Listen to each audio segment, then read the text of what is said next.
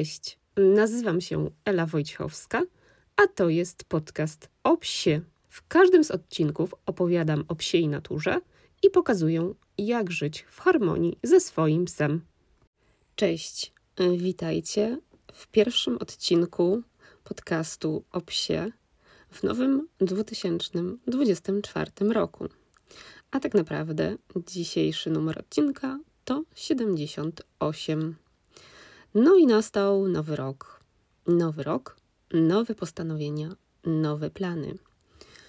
Ostatni rok, 2023, był dla nas dosyć trudny ze względu na dużą ilość pracy, a ostatnie miesiące dały mi mm, szczególnie mocno w kość ze względu na e, stan zdrowia mój, no i niestety stan zdrowia trufelki, bo zdrowie trufelki w ostatnim czasie mocno podupadło.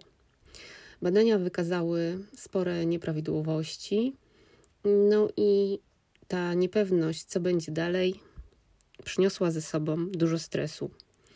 E, podjęliśmy dosyć ciężką decyzję co do tego, jaki sposób leczenia mm, wybrać dla trufelki. No i w sumie po podjęciu tej decyzji trochę odetchnęłam, chociaż akurat tutaj żadne z rozwiązań, które e, miałam, no nie było dobrym rozwiązaniem. Na ten moment skupiam się na tym, by trufelce zapewnić jak najbardziej komfortowe warunki życia, no i by, by te swoje ostatnie mm, miesiące, a może nawet lata, była szczęśliwa. No a ja cieszę się z każdej chwili e, w towarzystwie tego cudownego psa. Po tych ciężkich miesiącach e, postanowiłam, że w tym roku największym priorytetem będzie dla mnie spędzanie czasu, czasu, który tak szybko ucieka, a my mkniemy razem z nim, czasu wspólnego właśnie z psami. W tym roku chcę się zatrzymać, odetchnąć, nabrać świeżego powietrza i być tutaj i teraz z moimi terierami. No bo one już mają swoje lata i nigdy nie wiadomo, ile czasu im jeszcze zostało. Rok 2023 to dużo czasu poświęconego na psie konsultacje online Jestem bardzo zadowolona, bo udało mi się w sumie zrealizować w 90% plan prowadzenia konsultacji wyłącznie online.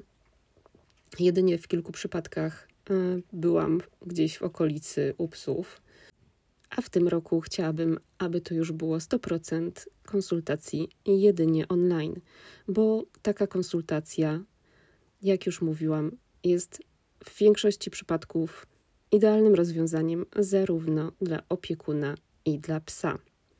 O zaletach konsultacji online możecie posłuchać w jednym z moich odcinków, do którego link zostawiam Wam oczywiście w opisie tego odcinka. Oprócz pracy z opiekunami psów, miałam sporo takich y, małych projektów, które wymagały ode mnie trochę pisania, y, trochę researchowania tematów, no i wykorzystania tego wszystkiego, czego do tej pory nauczyłam się o psach. Zeszły rok to również rok mojego wyzwania rysunkowego. Postanowiłam w zeszłym roku każdego dnia rysować jednego psa. Te szybkie szkice zajmowały mi około minutę do pięciu minut i publikowałam je w ramach stories na moim Instagramie. Ten projekt bardzo mi pomógł nie tylko w powrocie do rysowania, ale również w opanowaniu mm, takiego niepokoju i natłoku negatywnych myśli, które gdzieś tam się po drodze nawarstwiły.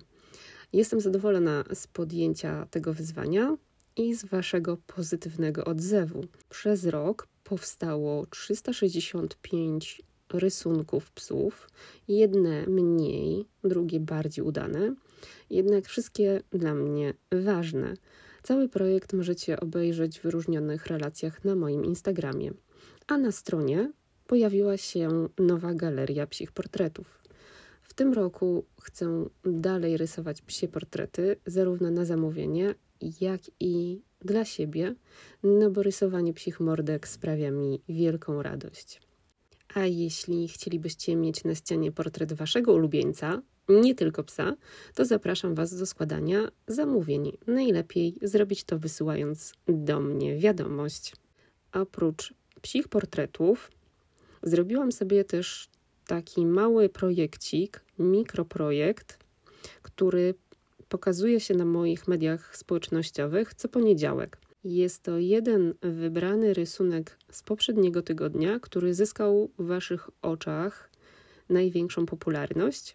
I do tego rysunku powstaje taka moja mała myśl w formie haiku. Jest również coś, co mnie bawi i sprawia mi niezwykłą radość. Dlatego myślę, że będzie on dalej pojawiał się co poniedziałek. W tym roku mam jeszcze kilka planów związanych właśnie z moimi rysunkami, a także z serią terrierowych rysunków, które możecie również oglądać na moich mediach społecznościowych. Na razie nie będę zdradzać, ale jak już będę pewna, że te projekty wejdą w życie i uda się je zrealizować, to na pewno dam Wam znać. W 2023 roku minęły również 3 lata, odkąd pojawił się pierwszy odcinek podcastu o psie. Podcast dotarł do dużo większej ilości słuchaczy w zeszłym roku niż w poprzednim, z czego bardzo się cieszę. I dziękuję Wam, że słuchacie i jesteście. Podcast o psie to podcast dla każdego opiekuna psa. W podcaście o psie opowiadam o psich zwyczajach, zachowaniach i ciekawostkach związanych z psami. Wszystko po to, by każdy z opiekunów mógł zrozumieć swojego psa i stworzyć mu odpowiednie warunki do życia w ludzkim świecie. Zrozumienie psa, jego potrzeb, zachowań i stanów emocjonalnych ma kluczowe znaczenie dla budowania silnej i opartej na zaufaniu więzi z naszymi pupilami. Próby zmiany sposobu myślenia i spojrzenia na świat z psiej perspektywy mogą pozytywnie wpłynąć na relacje z psem i na poprawę jego samopoczucia. Psy, które mają dobry kontakt z opiekunem i które czują się bezpiecznie w towarzystwie swojego opiekuna, wykazują więcej pozytywnych zachowań, a tych negatywnych mniej. Zaniedbanie psich potrzeb może doprowadzić do mm, takiego niepokoju, obawy, a nawet strachu, stresu oraz szeregu innych problemów behawioralnych. Dlatego myślę, że każdy świadomy opiekun wie, że wspólne szczęśliwe życie z psem w ogromnej mierze zależy właśnie od nas, od psich opiekunów. Dbanie o psi dobrostan, zapewnienie bezpieczeństwa na co dzień, zaspokajanie psich potrzeb to tylko niektóre z elementów mające na celu sprawić, by nasze psy czuły się bezpieczne, kochane i rozumiane. Dlatego tak ważne, aby dobrze zrozumieć swojego psa i dawać mu to, co dla niego najlepsze.